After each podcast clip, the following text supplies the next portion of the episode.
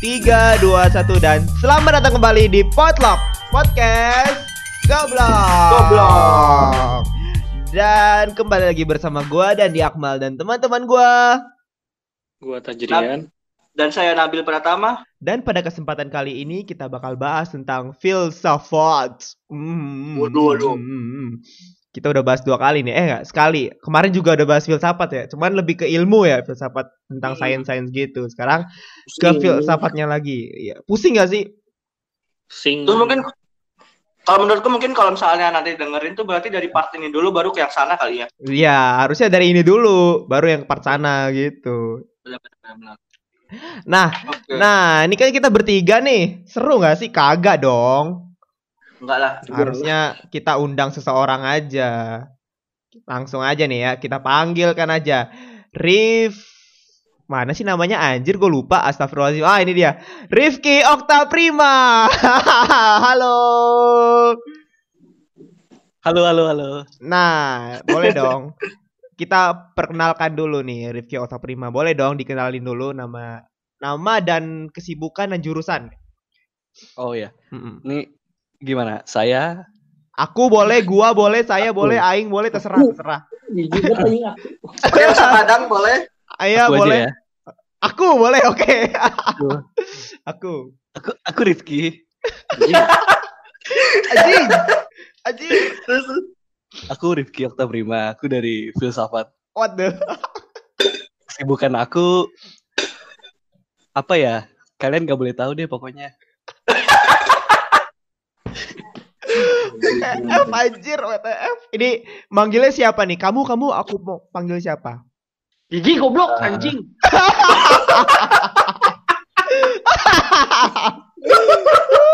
Panggil out aja out. Panggil Oot. Oke. Oke, Oot, Oot, nih Oot. Kita hari ini bakal bahas filsafat nih. Kebetulan eh, kamu, kamu juga dari filsafat. Tuh Iya kan? Iya dong. Gini, gini, gini. berusaha ikutin masuk. nah sebenarnya kalau misalnya kita mau masuk ke filsafat itu sendiri, sebenarnya eh, apa sih apa sih yang dimaksud dengan filsafat menurut Oot? Oot Oot, Rifki Oot. Kayaknya nggak seru deh kalau aku jelasin duluan. Kalian menurut kalian apa? Kan Aduh. kemarin ngobrol. Oke, kemarin tuh kita udah bahas ya, cuman takutnya itu kita tuh salah-salah ngomong gitu. Bener banget. Heeh, tapi mungkin kalau misalnya mau dijelasin dulu juga nggak apa-apa kali ya. Atau nggak mungkin mungkin si itu aja dulu Tajrian. kamu. Tajian, tajian, kamu dulu yang jelasin. Ah iya kan kan kan Tajrian Emang paling kontol lu Nabil. Tajrian dulu, tajrian dulu. Nggak soalnya Tajian ini kan baca-baca katanya suka baca Oh, apa eh, ilmu-ilmu yang ada, biologi yang ada bau-bau filsafatnya. Bener Katanya banget kayak gila nggak tuh? kayak biologi belief dan segala macam terus kayak dia juga membaca homo deus ya homo Terus Oh, apa hubungannya sama aing duluan? Segala macamnya Terus apa hubungannya sama aing duluan?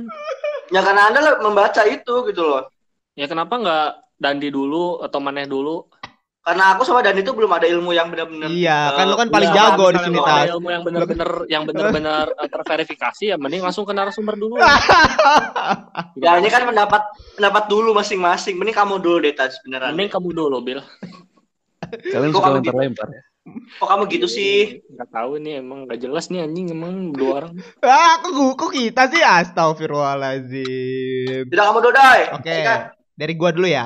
Mungkin uh, gua nggak bakal bisa ngejelasin tentang filsafat itu sendiri. Ya cuman udah kalau- nggak bisa ngejelasin nggak usah Tuh. ngejelasin dong. tuh Tuh, kan gini, ini suka Ya suka kalau nggak bisa ngejelasin ngapain suka anjing memotong ngejelasin? kan ini kan terlintas di pikiran gua boy bukan mau jelasin cuman gua mau menge- mengeluarkan pendapat gua yang ada di pikiran gua gitu Ya berarti lu menjelaskan pendapat Nggak, lu dong. gua iya tapi nggak menjelaskan tentang filsafat itu sendiri gitu Ya Tajrian biar podcastnya berisi ya. Lanjut Tajrian anjing anjing oke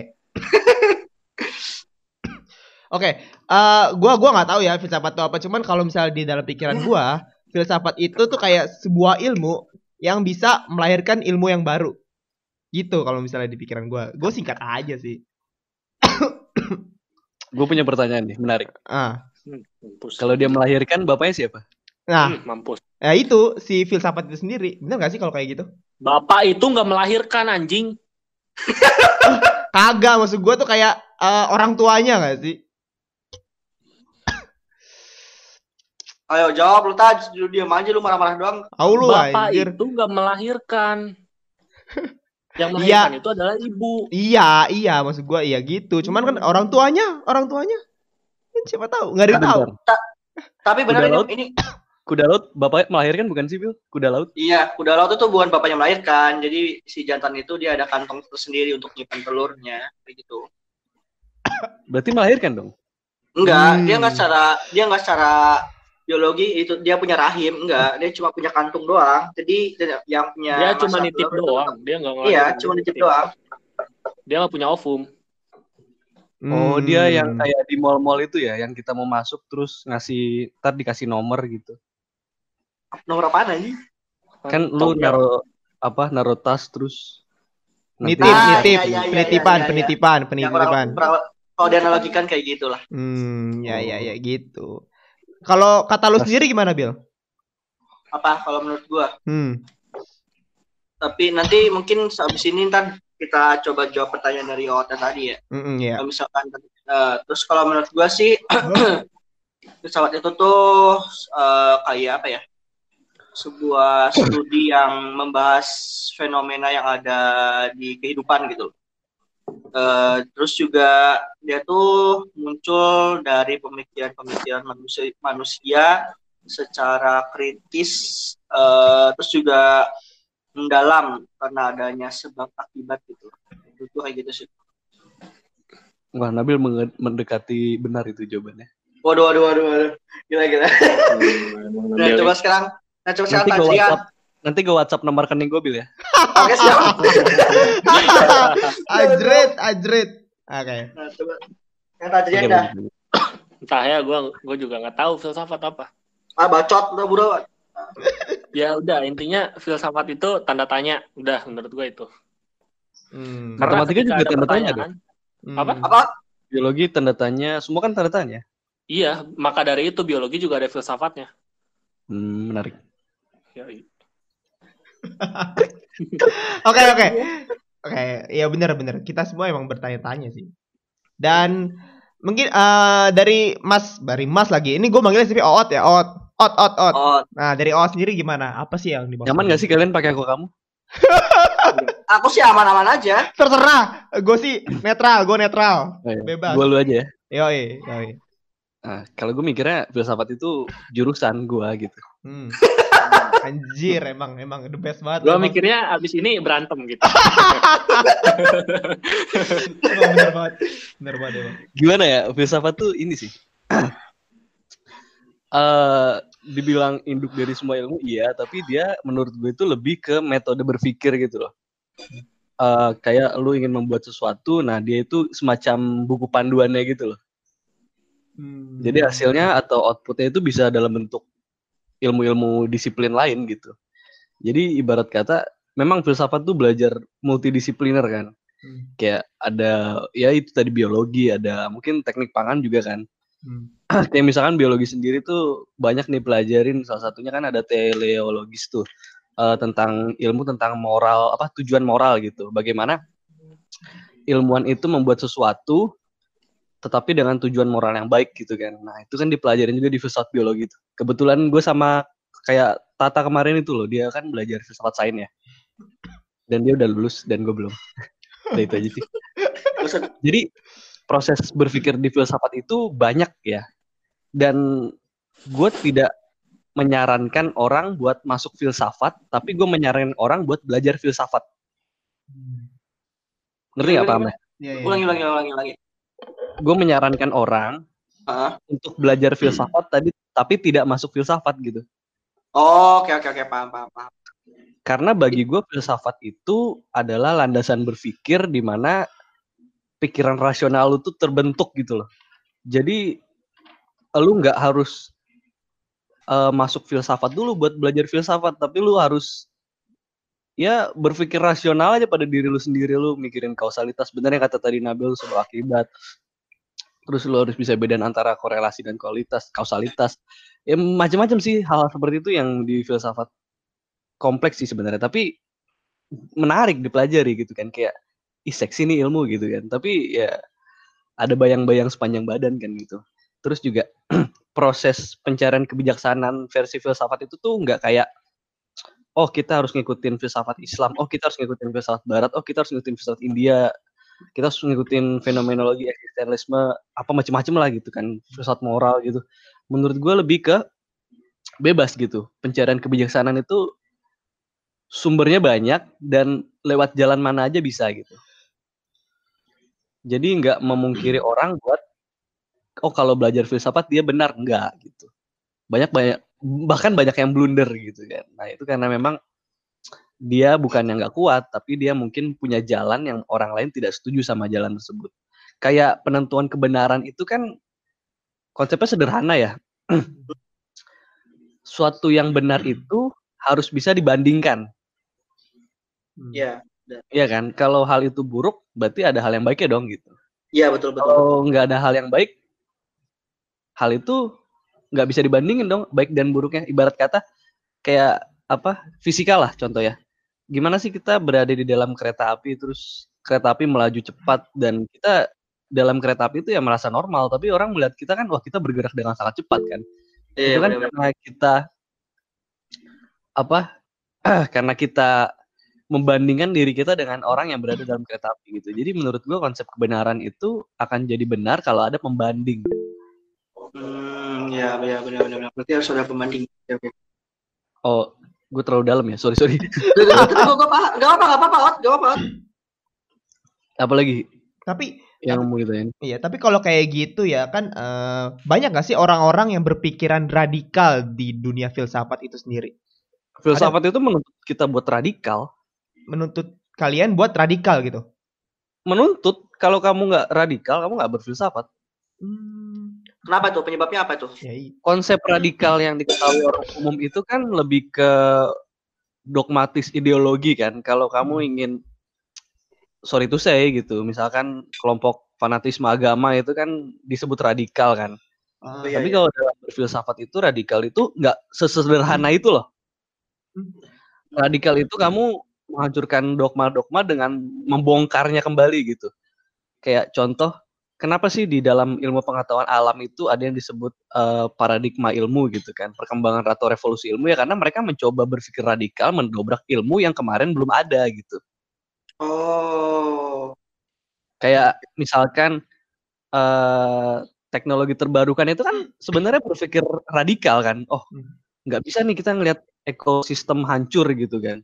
Nah, dari hal tersebut muncul pemikiran radikal buat bikin green energy gitu. Itu radikal versi filsafat loh, bukan radikal yang yang politisi ini. bilang. Nah, iya yang radikal yang kebanyakan orang tahu lah. Ya, Mm-mm. karena kan sekarang apa yang politisi bilang itu kan diimani jadi KBBI kan. Diimani. Gila, Siap, diimani. gila, gila. Ya, kasarnya gitu. Iya, iya. Berarti eh, radikal di filsafat itu sendiri lebih ke mendobrak ilmu ya, mendobrak ilmu, Kritis, kritis. lebih ke kritis ya, lebih ke kritis, Iya, ya. bukan ke lebih Berarti dia tuh ya, Hmm.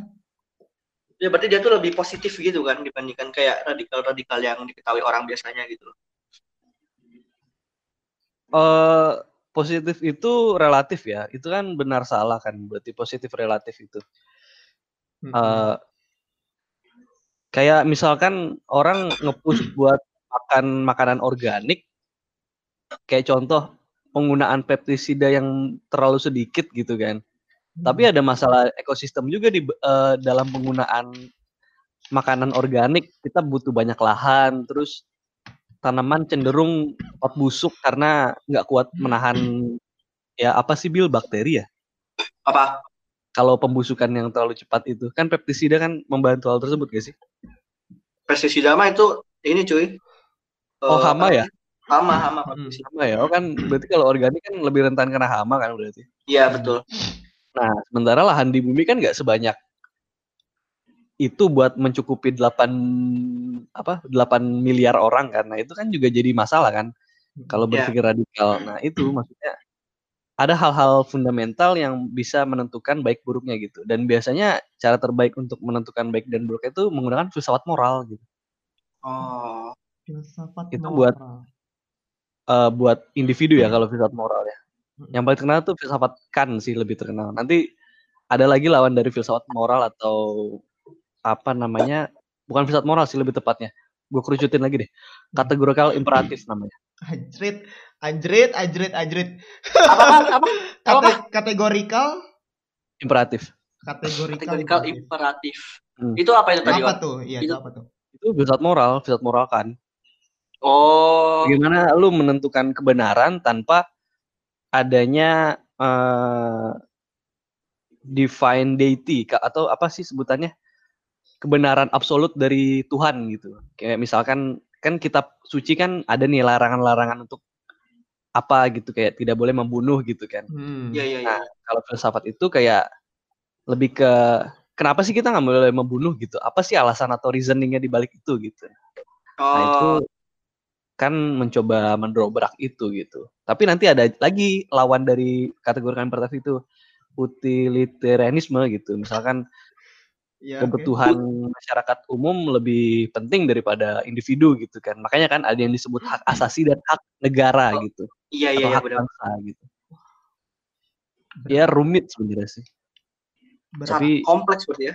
Kompleks kompleks. Kayak misalkan hal-hal yang terjadi di dunia itu kan kompleks karena perbedaan pendapat aja gitu. Sama kayak berargumen kan. Kenapa orang cenderung bisa emosi kalau berargumen? Karena eh, secara psikis kan dia terpaksa untuk menang kan. Mm-mm. Oh iya benar benar benar. Iya kan? Iya iya. Makanya orang nggak bisa mengontrol emosi mereka saat berargumen gitu. Kira-kira ada yang lain mau ditanyakan? Gila, asli asli asli asli. Oke, eh, ini ya, eh, gua gua tadi kan lu ter- eh, nyebutin tentang filsafat moral, kategorikal imperatif, utilitarisme. Nah, sebenarnya nih kalau ya utilitarisme apa ya itu juga sih? susah sih nyebutnya. Nah. Sebenarnya ya kalau misalnya mau dirangkum, mau dirangkum itu apa aja sih yang dipelajarin di filsafat itu sendiri? Eh, kalau filsafat UGM ya, Hmm, filsafat Ini- UGM. kita ngomong materi apa keseluruhan? Materi Eh, dulu kali ya. Iya, materi dulu boleh. materi itu di filsafat UGM itu ada empat mungkin Tata udah jelasin ya di podcast kemarin ya Hmm.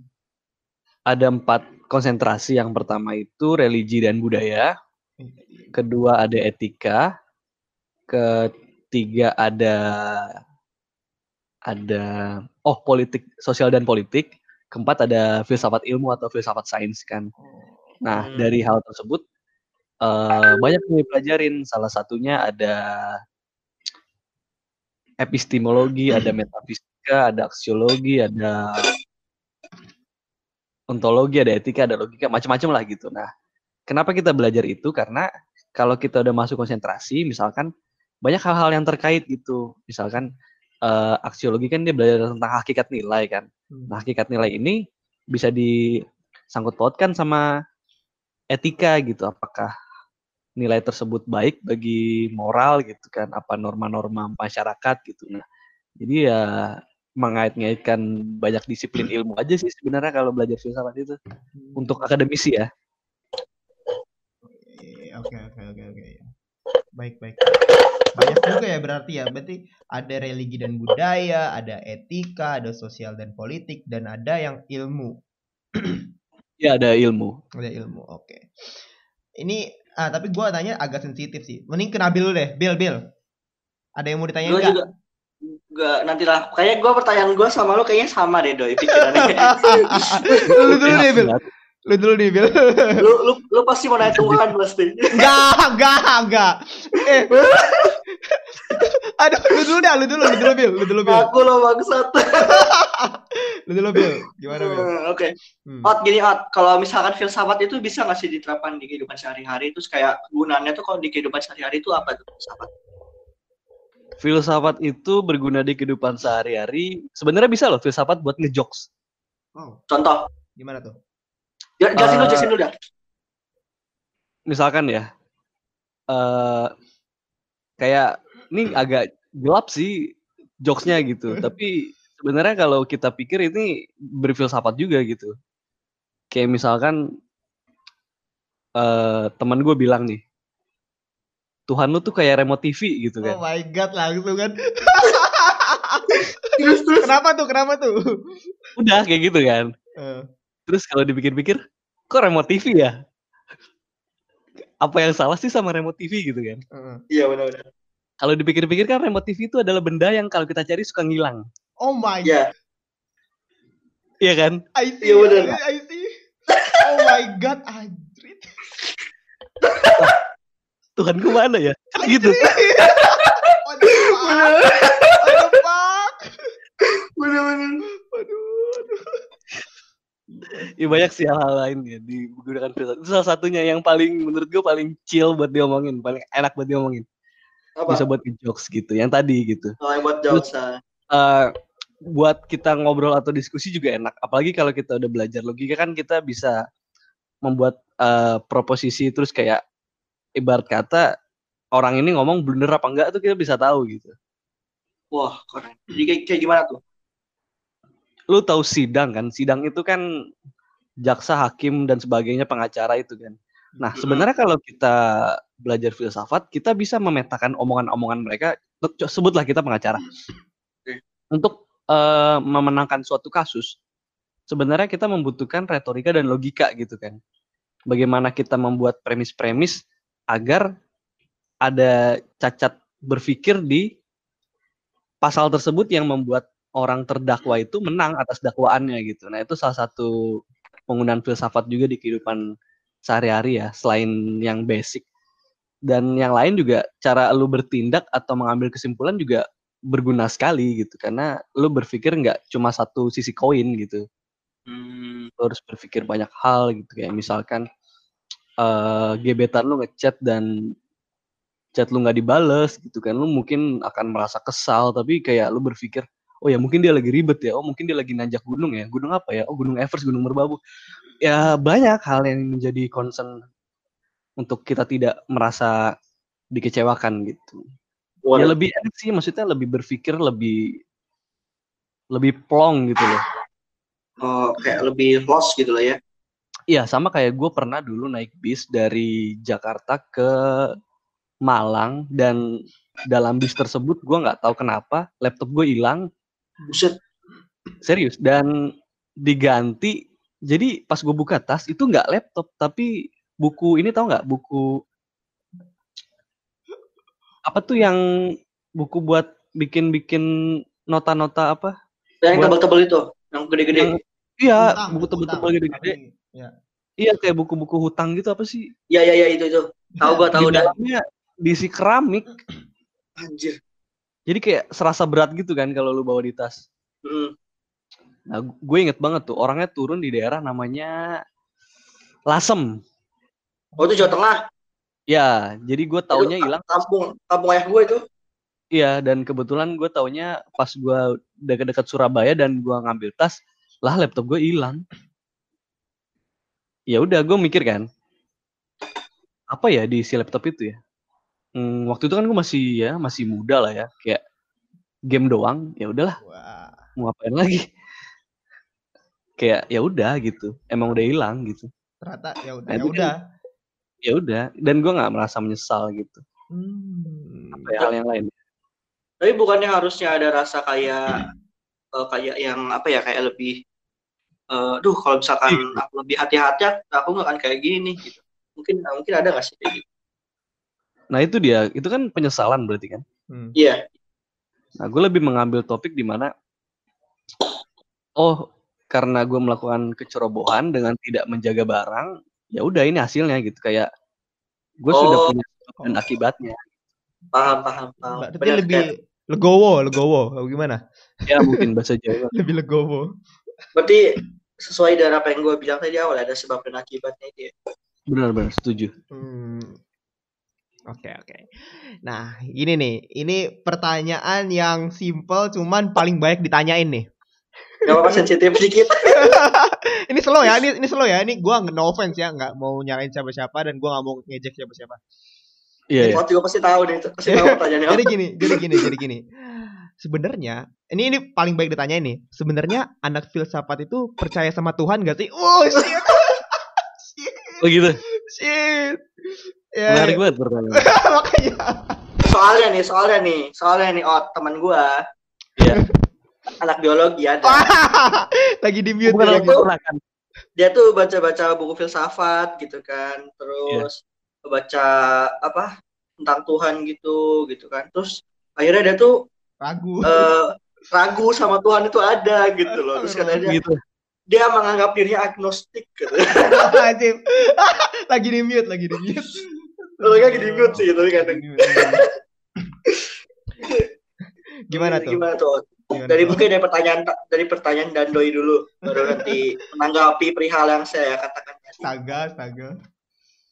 Kalau waktu gue pertama kali masuk filsafat tuh dosen gue bilang kan, seidola-idola kita sama orang, kita itu tidak boleh mencintai dia secara buta. Hmm. Kayak misalkan gue cinta sama lu Bill. Oke. Misalkan, Iya iya. Iya, iya. eh, gue itu mencintai karya-karya lu bukan lu secara fisik batin gitu. Nah mungkin yang teman lo lakukan itu terlalu mencintai ilmunya secara batin, tapi nggak masalah juga sih itu kan pilihan hidup dia kan. Masalah dia percaya Tuhan itu kan ya moral dia aja, masalah moral dia. Hmm. Dan tapi gue setuju sih, maksudnya orang pasti kalau dengar filsafat ateis kan dan sering banget orang menanya hal tersebut dan itu pertanyaan template kayaknya ya. Hmm. Banyak Iya sih, banget tuh, kayak- ya, udah banyak banget yang nanya Ya, kayak kayak pertanyaan template. gue mikirnya sederhana sih. Eh gue ada cerita menarik. gitu.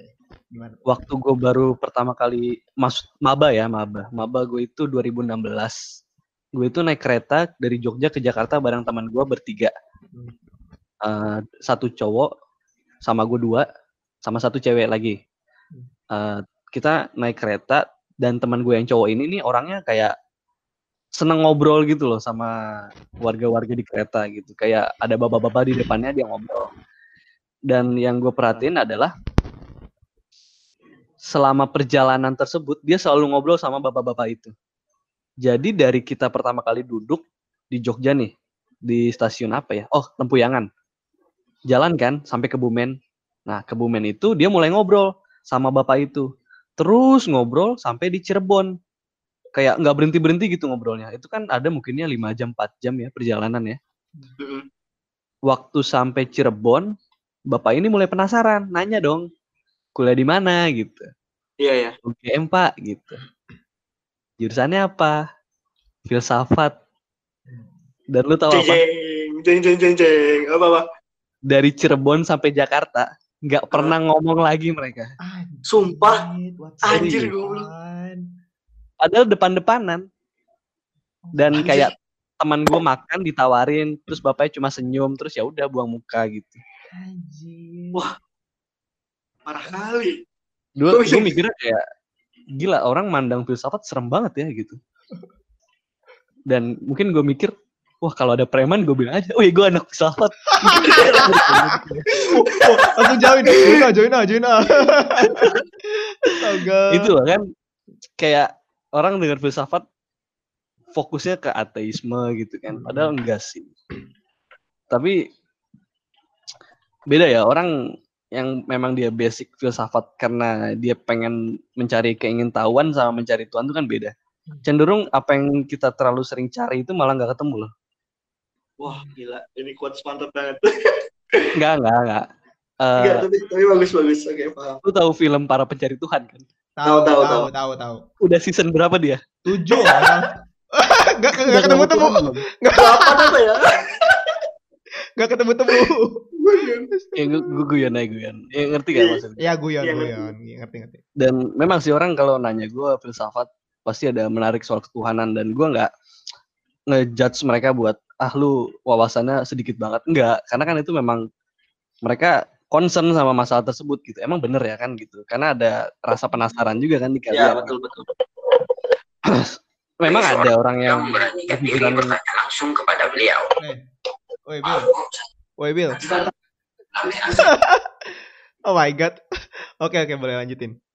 eh, memang ada orang yang berpikiran kayak temen lu tadi tapi nggak semua orang filsafat juga nggak percaya Tuhan gitu. Ada kok yang percaya Tuhan dan menjadi orang beragama yang taat gitu loh. Itu nggak bisa dijadikan apa eh, mayoritas kalau orang filsafat ateis atau stereotip orang filsafat ateis enggak kok. Ya kalau dia karena belajar buku filsafat terus jadi ateis ya itu masalah dia sendiri gitu Hmm. bukan masalah orang kebanyakan gitu. Nah itu yang gue bilang kalau filsafat itu kan bukannya ilmu ya, tapi gue lebih setuju dibilang metode berpikir gitu. Hmm. Gimana orang berpikir itu ya bisa ke kiri bisa ke kanan kan gitu. Kayak nyetir mobil aja gitu. Jadi Jadi ya gitu. statement bahwa anak filsafat itu ateis itu nggak benar ya harusnya ya. Ah kayak orang yang masuk MIPA juga banyak yang ateis kan. Mm-mm. dia Bener. mencintai hal yang normatif terus mengesampingkan probabilitas kan Hmm. ada juga gitu. Itu kan lebih ke apa ya? Lebih ke dirinya nggak sih? Bukan ke tentang kejurusannya, bukan ke tentang ilmu yang dia pelajarin. Lebih ke Setuju setuju dirinya. lebih ke individu benar. Mm-mm, bener. Nah, jadi gitu guys. Jangan kalian Nah. tiba-tiba ada anak filsafat dijauhin, jangan gile lu. Tiba- Terus gini nih, Ot, aku mau sedikit tanya nih. Ot. Terus kayak kalau misalkan emang ada nih eh, yang ternyata eh, kayak kan kayak apa ya? Seseorang tuh kadang eh, yang misalkan contoh dia baca buku-buku eh, filsafat gitu ya, yang concernnya emang sangat mengkerucut gitu. Misalnya contoh eh, yang tadi yang Tuhan tadi gitu kan. Setelah dia membaca itu dan dia menganalogikan dengan realnya gitu. Kayak misalkan eh, kan Tuhan itu tidak terlihat ya. Tidak kasat mata lah itu metafisika gitu tidak terlihat. Dan misalkan di buku dituliskan kalau eh, kita tuh kayak nyembah siapa sih? gitu sebenarnya.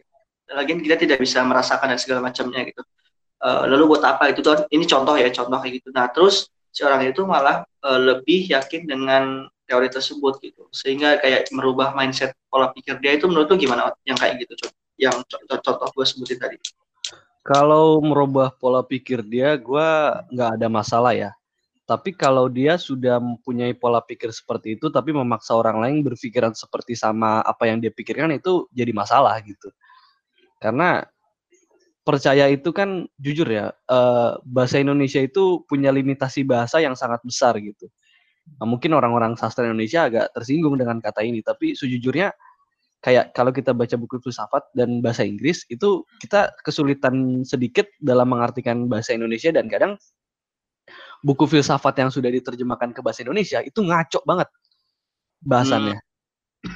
Karena kayak percaya kan, percaya kan adanya Tuhan itu dalam bahasa Indonesia ya percaya gitu kan. Tapi kayak bahasa Inggris itu ada belief sama faith kan. Hmm. Iya, iya, benar-benar. Ya kan? Mungkin kalau faith itu apa bahasa Indonesia ya? Mungkin sinonimnya bisa dideketin kayak mengimani, mengimani ketuhanan kan. Hmm. iya iya benar-benar Eh hal tersebut berbeda sama percaya itu kan. Nah, itu yang jadi masalah juga. Sama kayak eh, material sama material kan. Itu juga problem kan di translate bahasa Indonesia kan. iya iya benar benar. Itu yang gue saranin sih misalkan dia punya pemikiran karena membaca buku dan termotivasi atas dogmatis buku tersebut untuk bersikap demikian nggak masalah. Tapi kalau dia memaksa orang lain buat berpikiran sama seperti dia dengan alasan yang hanya dia miliki dan alasan itu tidak masuk kepada orang lain itu jadi masalah gitu kayak misalkan eh, ah gue pengen makan bakso nih bakso enak banget. Dan gue memaksa Nabil untuk Bil ayo makan bakso yuk baksonya enak banget. Dan kebetulan Nabil nggak suka bakso gitu kan. Itu kan hal yang salah gitu. Oh iya dan Nabil eh, iri ta- apa? Apa sih alergi sama bakso gitu kan. Malah gue membawa Nabil kepada bencana kan gitu. Iya. Itu sih lebih kayak gitu sih. Jadi dia mau apa ya itu problem pribadi dia problem moral dia sendiri gitu. Mau kayak gimana. Tapi kalau maksa orang lain ya itu udah jadi problem yang kita gitu. Mau- problem yang diajak Salah, Oke. salah. Terus ini aku mau nanya lagi satu hal. Kayak eh tadi mengenai yang aku bilang, aku tuh pernah dengar eh, katanya di filsafat juga mempelajari tentang metafisika, iya nggak sih? Metafisika iya bener ontologi Nah. dan metafisika Nah metafisika itu setahuku itu kan kayak eh, apa ya? objek yang tak kesat mata gitu kan kayak orang-orang tuh me- apa mengartikan seperti itu gaib lah gitu kan ya Oh iya. kayak yang seram-seram lah gitu segala macam pokoknya yang tidak kesat mata kan kayak gitu Hmm. Oh, bukan berarti- bukan- ini. Enggak. bukan bukan bukan- ber, bukan berarti bukan berarti mi- Oh, kayak iya. Eh, mikroorganisme dan segala macamnya ya jadi itu itu kan mesti Iya, bisa iya. dilihat mata gitu dengan mikroskop gitu kan kayak contohnya yang benar-benar tidak terlihat gitu itu tuh gimana itu mempelajari hal itu atau gimana sih gitu apakah emang selama ini orang-orang tuh salah pandangan gitu Atau gimana tuh metafisika itu kan memang meta kan. Meta itu kan sebelum fisika itu kan fisik kan atau si- psikis eh eh, bentuk kan apa material kan. Bentuk Hmm. materi kan fisika itu kan. Makanya orang yang kuliah di fisika itu kan dia belajar hal yang dapat diukur gitu kan. Hmm. Karena mereka berharap itu adalah materi gitu kan. Eh, karena metafisika itu adalah sebelum fisika atau sebelum fisik jadi sebelum ada yang fisik tersebut kita mencari tahu gitu kan. Eh, apa sih yang terjadi pada sebelum fisik tersebut dan biasanya oh hal-hal seperti ini tuh memang sering dikaitkan sama hal yang bersifat gaib atau hantu ya apa sebutan sederhananya. Karena pengaruh ini sih lebih tepatnya. Romantisme kata sih kalau menurut gue hmm, Kata. kayak misalkan eh, tembang Jawa itu kan banyak loh orang takut sama tembang Jawa. Hmm. ya nggak sih? Iya iya betul ya menurut ya jujur aja gue di kosan jam 3 pagi dengar radio tembang Jawa dan Iya, merinding nggak lah. ada masalah gue nggak ada masalah Oh, nggak ada masalah. Oke. Ada masalah Hmm. tapi memang beberapa teman gue yang dia bukan orang Jawa dia merasa terganggu gitu Hmm. iya sampai sekarang adek gue pun gue kasih dengar Langser Wogi dia ketakutan gitu Oke, oke, oke. dan dosen gue ada yang dia kuliah filsafat Nusantara dan dia mau nyanyi tembang Jawa tuh menurut gue indah banget gitu. Apa bahasanya? Ya menarik lah untuk didengar tapi nggak seseram itu kan. Kenapa seram? Karena tembang Jawa digunakan industri perfilman horor buat membuat masyarakat berpikir bahwa tembang itu adalah hal yang mistis. Memang ada tembang Jawa yang mistis tapi kan itu kan nyanyian tembangnya nggak sih? Hmm, iya. kalau Iya. orang Jawa Iya, benar-benar. iya. ya lebih ke pola pikir kan sama Iya. halnya dengan metafisika itu metafisika itu kan hal yang mempelajari sebelum adanya fisik kan hal yang sebelum mempelajari sebelum adanya fisik itu sebenarnya bisa dijelaskan dengan logika gitu kayak misalkan ada fisika eh, teori fisika yang sedang berkembang tuh kan namanya string teori kan Hmm. string teori adalah partikel terkecil setelah atom gitu kan, setelah, setelah elektron dan proton. Nah, hal yang menarik di sini adalah kita nggak bisa mengkalkulasikan string ini karena dia berada di dimensi yang berbeda sama kita kan. Hmm. Iya. Otomatis kalau dia berada di dimensi berbeda sama kita, kita tidak menganggap dia sebagai bentuk fisik yang sama-sama kita kan. iya benar Nah, itu juga termasuk kajian metafisika juga gitu. Hmm, Eh, memang sih orang mikirnya kayak ya perhantu-hantuan lah, tapi nggak nggak hantu juga sih kayak psikologi juga sebenarnya jiwa itu kan metafisika. Hmm. Iya. iya iya Orang-orang psikologi kan belajar tentang kejiwaan, nah itu kan belajar metafisika sebenarnya. Oh, juga. Iya, emang metafisika itu hantu kan bukan? Eh maksudnya Enggak, enggak. kejiwaan itu hantu kan bukan? Gitu. iya bukan Mungkin gue masuk ya untuk metafisika ya. Ini membahas metafisika. Eh ini menarik juga karena gue pernah sedikit membaca mengenai metafisika. Jadi kayak metafisika ini sebenarnya bukan ilmu yang mempelajari hantu atau makhluk gaib gitu. Sebenarnya Bukan, metafisika ini dia lebih mempelajari mengenai energi karena energi itu dia tidak terlihat kan. Energi itu nggak terlihat. Dia nggak nggak ada energi itu dia itu nggak ada istilahnya material nggak- nggak berbentuk materi. Dan menurut gue metafisika pun dia lebih ke mengarah ke energi juga gitu. Dia lebih ke mempelajari energi. Dan pun kalau misalnya kita mau hubungkan dengan kayak roh, terus juga kemudian kayak tadi psikologi, kayak kejiwaan, pun kejiwaan kita tuh kalau misalnya dilihat dari sisi mata eh, dari mata metafisika itu, kejiwaan kita tuh sebenarnya adalah bentuk dari energi kita sendiri gitu loh. Kayak roh pun juga sama aja sama aja roh kayak sama roh dengan kejiwaan itu sebenarnya adalah implementasi daripada si energi kita sendiri gitu. Kalau menurut kalau gue lebih mendefinisikan metafisika itu lebih ke ilmu yang lebih mempelajari ke energi. Dan memang tadi juga udah disebutin bahwa metafisika itu dia tidak uh, tidak terfokus kepada material. Karena memang kalau misalnya kita mau ilmu yang mempelajari material itu ya lebih ke fisikanya. Sedangkan metafisika ini non materialnya yaitu energi. Menurut gue energi bukan suatu hal yang material gitu loh. Jadi metafisika menurut gue adalah ilmu yang mempelajari energi sih. Uh, gue pernah ngobrolin tentang metafisika ini tiga tahun yang lalu di Jatinangor tentang konsep hantu. Misalkan hantu itu bisa eksis kalau bisa dibuktikan secara empiris kan. Kita yeah. bisa melihat dengan panca indera gitu Lalu bagaimana cara kita membuktikan kalau hantu itu benar ada kan? E, cara terbaiknya adalah kita menunggu adanya alat yang membantu manusia untuk membuktikan adanya hantu. Mungkin kayak kalian nonton film-film Ghostbuster gitu kan? Ya ya ya ya. Atau ya. Insidious gitu kan? Ya. Mereka mencoba mencari hantu lewat suara atau hal-hal yang lain kan itu salah satu alat untuk membantu manusia dalam memecahkan masalah metafisika kan? Iya. Yeah. Uh, sebenarnya metafisika itu nggak cuma hantu sih, kayak pola pikir juga termasuk metafisika loh. Kayak hmm. bagaimana pola pikir konstruktivisme atau realisme itu juga termasuk metafisika gitu. Bagaimana cara orang memproses informasi menjadi suatu bahan uh, mereka berpikir itu juga metafisika kan. Berarti kan ada yang di kepala apa ada hal yang bekerja di kepala dan kita tidak melihat itu sebagai bentuk fisik kan. Itu juga metafisika gitu. Seperti itu. Oke, Ot, aku mau nanya Ot. Dari hmm. tadi yang kamu bilang kan kayak metafisika itu dibuktikan secara empiris ya dengan panca indera. Nah, aku mau balik oh, lagi bukan, soal... bukan, bukan. Uh, metafisika hmm. itu kan sebelum fisik. Uh, Kalau metafisika tersebut berhasil uh, uh, menjadi suatu hal yang fisik, itu kan hmm. butuh hal yang empiris kan buat membuktikan uh, tersebut. Uh, nah, kayak hantu itu kalau dibilang metafisika, ya ada namanya mungkin gue sebut falsifikasi kali ya. Bagaimana suatu teori tersebut bisa terpatahkan gitu. Nah, hmm. mungkin karena teori metafisika tentang hantu ini uh, bisa dipatahkan ya dengan cara bagaimana kita mengetahui dengan panca indera kita bahwa hantu itu dapat kita teliti gitu. Oke. Terus nih aku jadi soal tadi ya empiris tadi. Terus aku uh, berarti itu uh, perihal keberadaan berarti kan?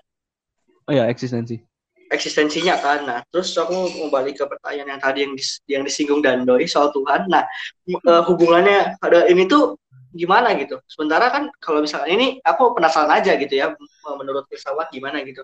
Sedangkan Tuhan sendiri itu kan uh, di, uh, belum bisa dibuktikan secara empiris gitu dan kita pun tidak bisa merasakan keberadaannya gitu.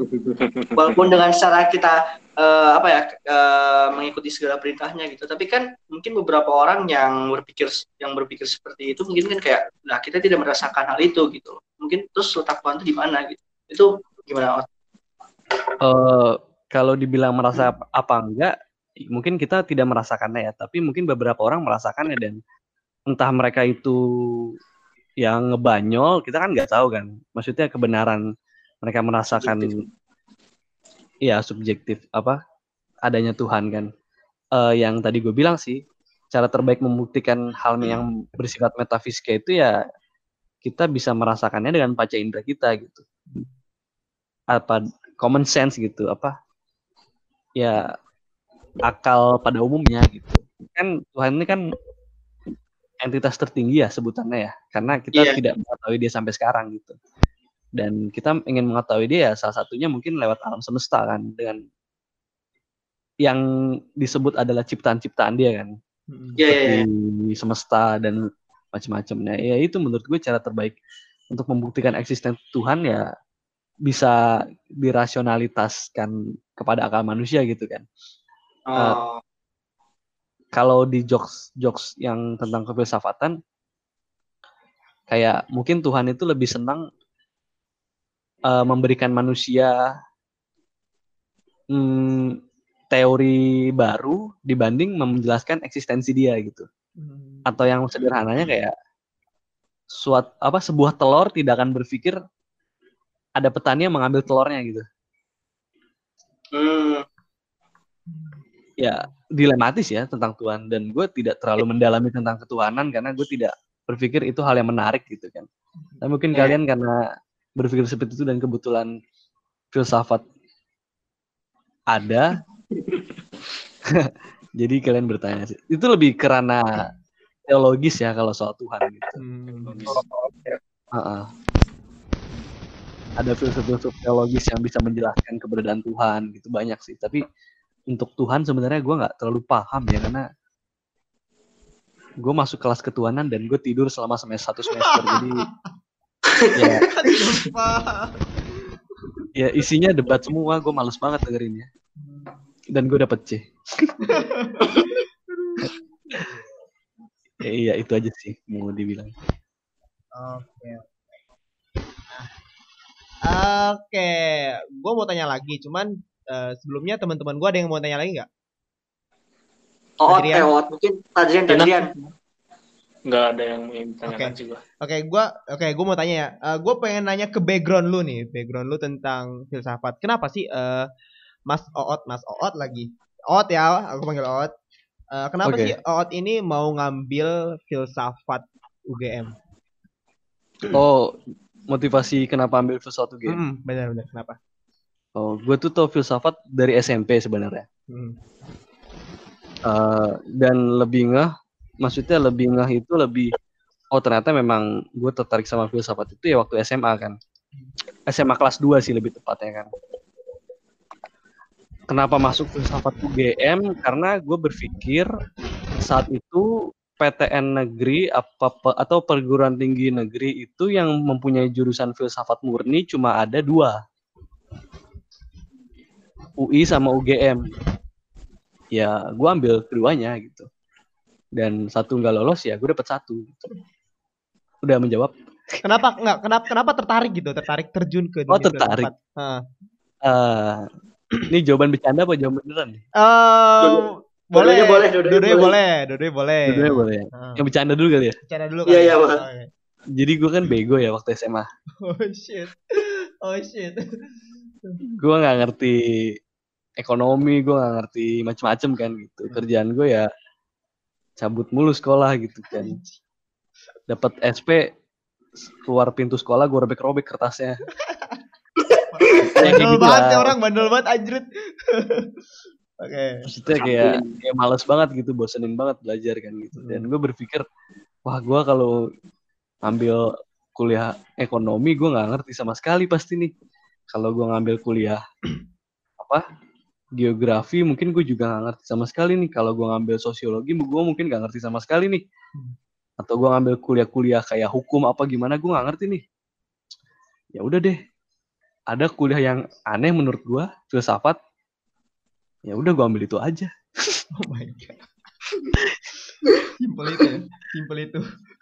Oh, itu kan bercanda. Bercanda, yo eh, bercanda. Iya, Iya, bercanda. iya, iya. iya. Kalau yang serius gimana? Seriusnya gimana? Kalau seriusnya, eh gue mencari ilmu yang dia itu multidisipliner gitu loh. Kayak misalkan, dulu gue seneng banget sama yang namanya probabilitas. Jadi kalau gue naik motor waktu gue sekolah, di jalan itu gue mikir nih, kalau ada lobang terus gue tabrak, gue jatuh nggak ya? Kalau gue apa ngindarin lobang, gue jatuh nggak ya? Atau gue kepleset nggak ya? Kalau gue apa ngebutin motor kan berarti gue nabrak lobangnya nggak terlalu dalam dan motor gue bisa bertahan gak ya? Atau gue bakal keserempet gak ya sama mobil di depan gue nah, hal-hal tersebut yang gue berpikir loh ini apa ya namanya ya? Oh namanya berpikir kritis. Berpikir kritis, kritis itu apa sih? Oh berfilsafat oh ya udah gue masuk filsafat deh Ya, ya, ya. Oke, berarti lebih ngambil ke berpikir kritisnya ya. Kenapa Iya, lu masuk ke setuju. filsafatnya? Oke, itu dia. Oke, em Bill, Touch, ada lagi nggak? Enough dan sih gue gua ada cerita menarik sih kenapa Oke. masuk filsafat juga Kenapa? udah tuh kan gue kan SBM ngambil UI filsafat ditolak kan nggak diterima gitu terus gue coba ambil utul UGM kan terus eh diterima filsafat UGM Mm-mm. dan keluarga gue sempat nentang tuh Nah. sempat ngomong gue ateis juga kan gitu Nah, Ini. iya kan terus lu tau nggak gue bilang apa apa-apa? ya mereka sempat bilang sih kayak prospek kerjanya nggak jelas lah gitu-gitu kan. Hmm. Gue jawab mereka sederhana banget sih. Gue mau sombong dikit deh. Apa, Apa, apa, apa? apa, apa? Gue bilang mereka gini. Kan mereka masalahin nggak nggak nggak lebih ke ATS sih lebih ke prospek kerjanya kan. Kenapa Hmm, masuk iya, iya, filsafat? Ah. Ya gue jawab mereka gini aja. Kenapa aku takut miskin kalau aku hamba yang dari maha kaya? Wah, bener-bener. Oh my god. Terbang ke Jogja. Keren, keren. Oh my god. Lu kakuat itu mah udah. Respon respon ortu lu gimana kayak? Oh ya udah ya udah ya udah. Silakan silakan silakan. Ibnu Safat Ibnu Safat. Ya. Lah nggak bisa ngomong. Ka- Ya nggak bisa lagi ya. Udah. Iya. Wow, wow, wow, wow, boleh, boleh, boleh. Gila. Oke, oke. Oke. akhirnya ya, akhirnya ke Jogja juga ya lu ya. Akhirnya ke Jogja juga Iya, lu. Juga. Sakti banget itu omongan. Iya, iya. Karena karena emang banyak. Soalnya ini tuh. Kenapa kenapa Taj? Soalnya orang tua itu dia mikirnya realistis aja gitu loh kayak soalnya dia mungkin udah mengalami ya. So- soalnya ini ini juga terjadi sama orang tua gua gitu waktu gua. Kayaknya bukan cuma orang tua lu deh, orang tua gue juga Iya, kayaknya. ya, mungkin ya mungkin Iya. teman-teman yang lain juga kayak gitu. Soalnya Hmm. mungkin orang tua ini dia lebih ke realistisnya gitu dan ketika eh, kan kan mereka udah kuliah ya. Kalau orang tua gua dia kuliah dulu terus juga dia melihat teman-temannya gitu. Jadi kayak yang teman-temannya yang udah lulus kuliah gitu. Jadi kayak eh, orang tua ini pertimbangan orang tua untuk memilih eh, anaknya jurusan tertentu itu adalah biasanya itu adalah pekerjaan yang menjamin gitu. Padahal di sisi lain anaknya juga kan dia ingin mengembangkan sesuatu dan dia misalnya tertarik terhadap sesuatu juga seharusnya bisa dikembangkan di situ gitu. Menurut gua orang tua itu biasanya lebih ke setelah kuliah ngapain gitu loh. Dia lebih Hmm. mikir ke sana gitu. Dia lebih mikir ke kalau kuliah akhirnya nganggur, ya udah mending kuliah eh, jurusan itu yang jelas-jelas bener-bener setelah kuliah itu kerja gitu. Biasanya gitu sih orang tua orang tua eh, gua di sini biasanya seperti itu. Jadi kayak dia tuh lebih melihat jurusan itu berdasarkan setelah lulus Mau jadi kerjanya apa? apa. Mau jadi apa? Hmm, Kerja apa? kayak gitu. Itu itu Dan pertanyaan. kadang gue kadang gue juga nggak setuju sih dengan hal itu karena kita kuliah ini bukan untuk mencari pekerjaan gitu loh. Karena kita kuliah ini adalah untuk mencari ilmu dan untuk memperdalam ilmu yang ingin kita tahu gitu. Bukan untuk memperdalam atau mencari link untuk bekerja. Menurut gue ada salah pola pikir di sini gitu. Ini mungkin bukan salah ya, tapi menurut gue seperti itu yang bagusnya gitu loh. Itu ya, gue juga nggak menyalahkan orang tua yang berpikir seperti itu dan toh itu juga bagus untuk anaknya karena supaya takutnya nanti anaknya udah lulus terus nggak ngapa-ngapain kan salah juga gitu. Kalau menurut gue idealnya seperti itu. Jadi kayak kita kuliah ya udah kita untuk belajar aja gitu. Kita untuk belajar dan kalau untuk masalah pekerjaan itu adalah masalah sampingan lah gitu. Kalau misalnya kita udah banyak ilmu ya mungkin gampang kerja kayak gitu sih. Sebenarnya kalau kerja itu tergantung kita kenal sama banyak orang sih. Anjas. Ya, gitu. Oh, gua gue mikirnya gini. Eh, Orang dalam. gini. orang dalam siap. Gimana gimana gimana? Gue mikirnya gini. eh, apa alasan orang tua berpikir seperti itu kan? Kayak seminar-seminar yang ada sekarang atau pelatihan-pelatihan sekarang itu banyak soal tentang peluang kerja, industri dan teknologi kan. Iya. Pokoknya intinya gimana lu ngasilin cuan kan gitu. Hmm. Hmm. Kalau dipikir-pikir beda banget sama generasi dulu yang ah gue nggak peduli mau lulus apa, pengennya ngerombak dunia kan. Jadi banyak kisah romantisme masa lalu yang sampai sekarang melekat gitu. Eh kayak novel-novel anak muda itu kan sebenarnya romantisme yang zaman sekarang nggak bisa kita dapetin lagi gitu. Kayak contoh, gue nggak mau promote tapi kayak novel Dahlan itu kan nggak ada lagi di zaman sekarang gitu. Bagaimana ekosistem masyarakat yang memungkinkan Dahlan 1998 itu kan. Dahlan. Kok dahlan aja? ya ntar gue sebut merek dong. Oh iya benar-benar. Karena itu juga eh, pemikiran itu orang tua kan ngelihat dari komunal kultural mereka kan. Lebih ke sosiologisnya kan. Kayak mereka berpikir kalau harga tanah mahal gimana anak kita bisa survive buat beli rumah gitu-gitu ya nggak masalah sih tapi ya itu balik lagi kita harus tahu reasoningnya gitu. Jadi kita kayak misalkan ada anak, ah kenapa sih orang tua gue begini gitu kan, lo nyuruh nyuruh gue begini gitu. Itu terus dia ya ngambek, depres, apalah macem-macem. Karena kan mereka nggak tahu reason orang tua di balik itu kan. Hmm. Kalau misalkan eh, dia tahu reasonnya dan mencoba bernegosiasi dengan baik, ya bukan nggak mungkin kalau orang tuanya mungkin bakal mengerti ya hal tersebut gitu. Sama halnya dengan hoax gitu kan. Eh, hoax itu kan muncul karena orang terlalu percaya pada hal yang pasti gitu kan. Sama kayak orang tua. Orang tua tersebut percaya sama hal yang pasti kalau anak kuliah bakal aman apa PNS gitu kan hidupnya terjamin itu rasional sekali mereka berpikir itu kan karena kalau kata Jordan Peterson itu eh, psikolog Kanada dia bilang seperti ini. Dikutip dari cerita Buddha. Kalian tahu cerita Buddha nggak? Cerita Buddha itu kan bagaimana? Siddhartha Gautama. ya Buddha lahir. Hmm. tapi eh waktu Buddha di dalam kandungan ibunya, ayah Buddha atau ibu Buddha bertemu dengan malaikat dan malaikat itu mengatakan bahwa anak yang ada di dalam kandungan itu akan menjadi penguasa raja besar atau dia bisa menjadi guru spiritual yang luar biasa gitu. Hmm. Ayahnya mulai berpikir kan sebagai orang tua. Kebetulan ayah Buddha ini adalah seorang raja juga, raja-raja lokal gitu di India. Ayah Buddha tersebut berpikir kan, kalau aku biarkan dia menjadi guru spiritual, lalu siapa yang bakal nurusin tahta kerajaan dia kan gitu. Oh ya udah, aku akan menjadikan dia sebagai raja. Aku berikutnya gitu kan, menjadi raja gitu. Maksud dia dia nggak berpikiran bahwa guru spiritual itu hal yang buruk gitu kan. Tapi dia punya prioritas bahwa anakku harus jadi raja karena ia akan mewarisi tahtaku gitu kan. Hmm. Nah mulailah ayah Buddha tersebut menjauhkan dia dari kengerian duniawi kan kayak dia diisolasi di istana yang isinya bunga-bunga, wanita cantik dan makanan lezat gitu kan. Dia nggak pernah tahu kalau ternyata rakyatnya di luar kelaparan gitu. Terus Hmm. Mereka meninggal karena perang gitu kan. Karena Buddha tumbuh dewasa, dia jadi mulai penasaran dengan apa sih yang ada di dunia luar. Dia meminta izin kepada apa ayahnya, tapi ayahnya kayak mikir-mikir kan, oh boleh nggak ya anak Nggak boleh. boleh, Dia kabur. dibolehin, Boleh. dibolehin. Bukannya bukannya nggak boleh ya? Dia kabur terus.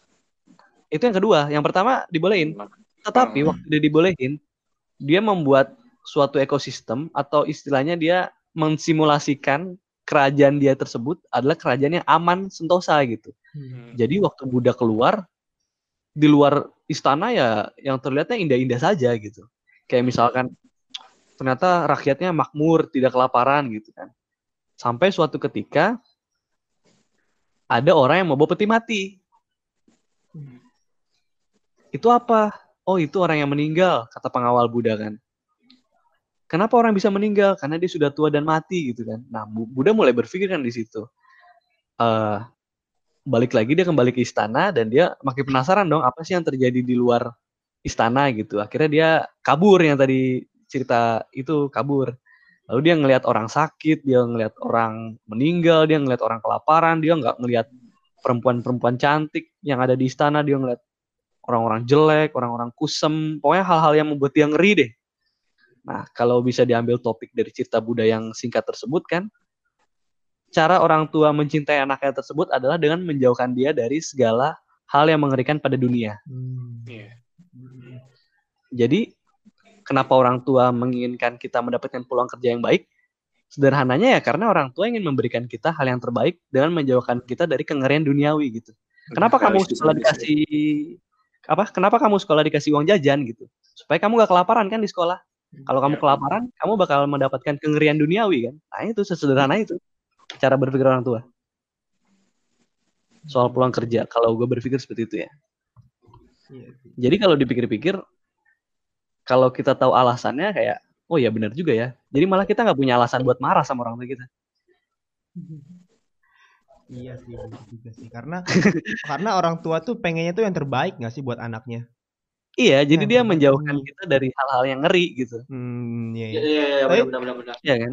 Padahal yang ngeri menurut mereka belum tentu ngeri menurut kita. Iya, Hmm. memang. Wah ngeri nih tapi menurut kita juga belum tentu.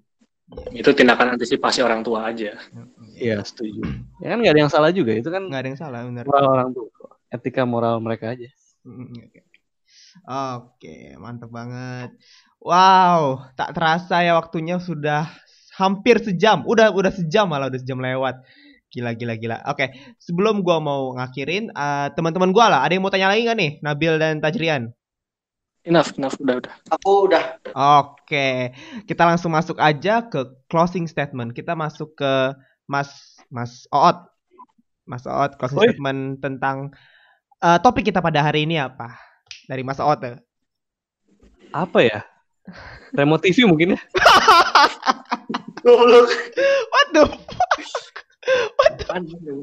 Ya, nggak ngikutin. Oh ya tadi kan nggak ikut ya? Iya, nggak Iya, iya, ngikutin. iya, Gila, iya. gila. Sih. Boleh. Terserah, terserah. Bebas mau closing statement tentang remote TV, terserah. Iya remote TV kayaknya. Oke. Eh, ada lagi apa punya remote TV doang nih? Ya itu aja kayaknya deh. remote TV doang ya? Iya. Oke, eh, teman-teman kalau misalnya belum tahu remote TV bisa ke Bali ya, kembali. Kita tadi juga ngomongin remote TV.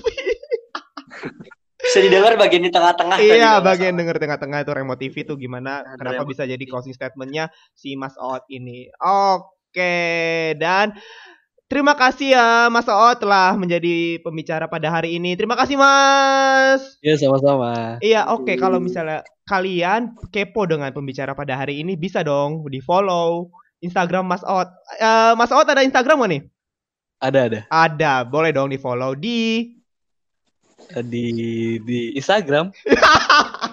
Nama IG-mu kamu. nama IG-mu Sai Sai Oh Rifki Okta Prima. Rifki Okta Prima. Gak pakai Rifki, spasi huruf kecil semua. Rifki Okta Prima nggak pakai spasi huruf kecil semua. Oke. Oke, dan terima kasih kepada kalian yang telah mendengar podcast pada hari ini. Terima kasih juga kepada Mas Oot yang telah mengisi eh, mengisi potluck pada hari ini. Dan kalau Oke. misalnya kami ada salah-salah kata, kami mohon maaf. Saya dan Akmal pamit undur diri dan teman-teman saya. Gua Tajrian. Dan saya Nabil Pratama. Dan sampai jumpa di podcast selanjutnya. Goodbye.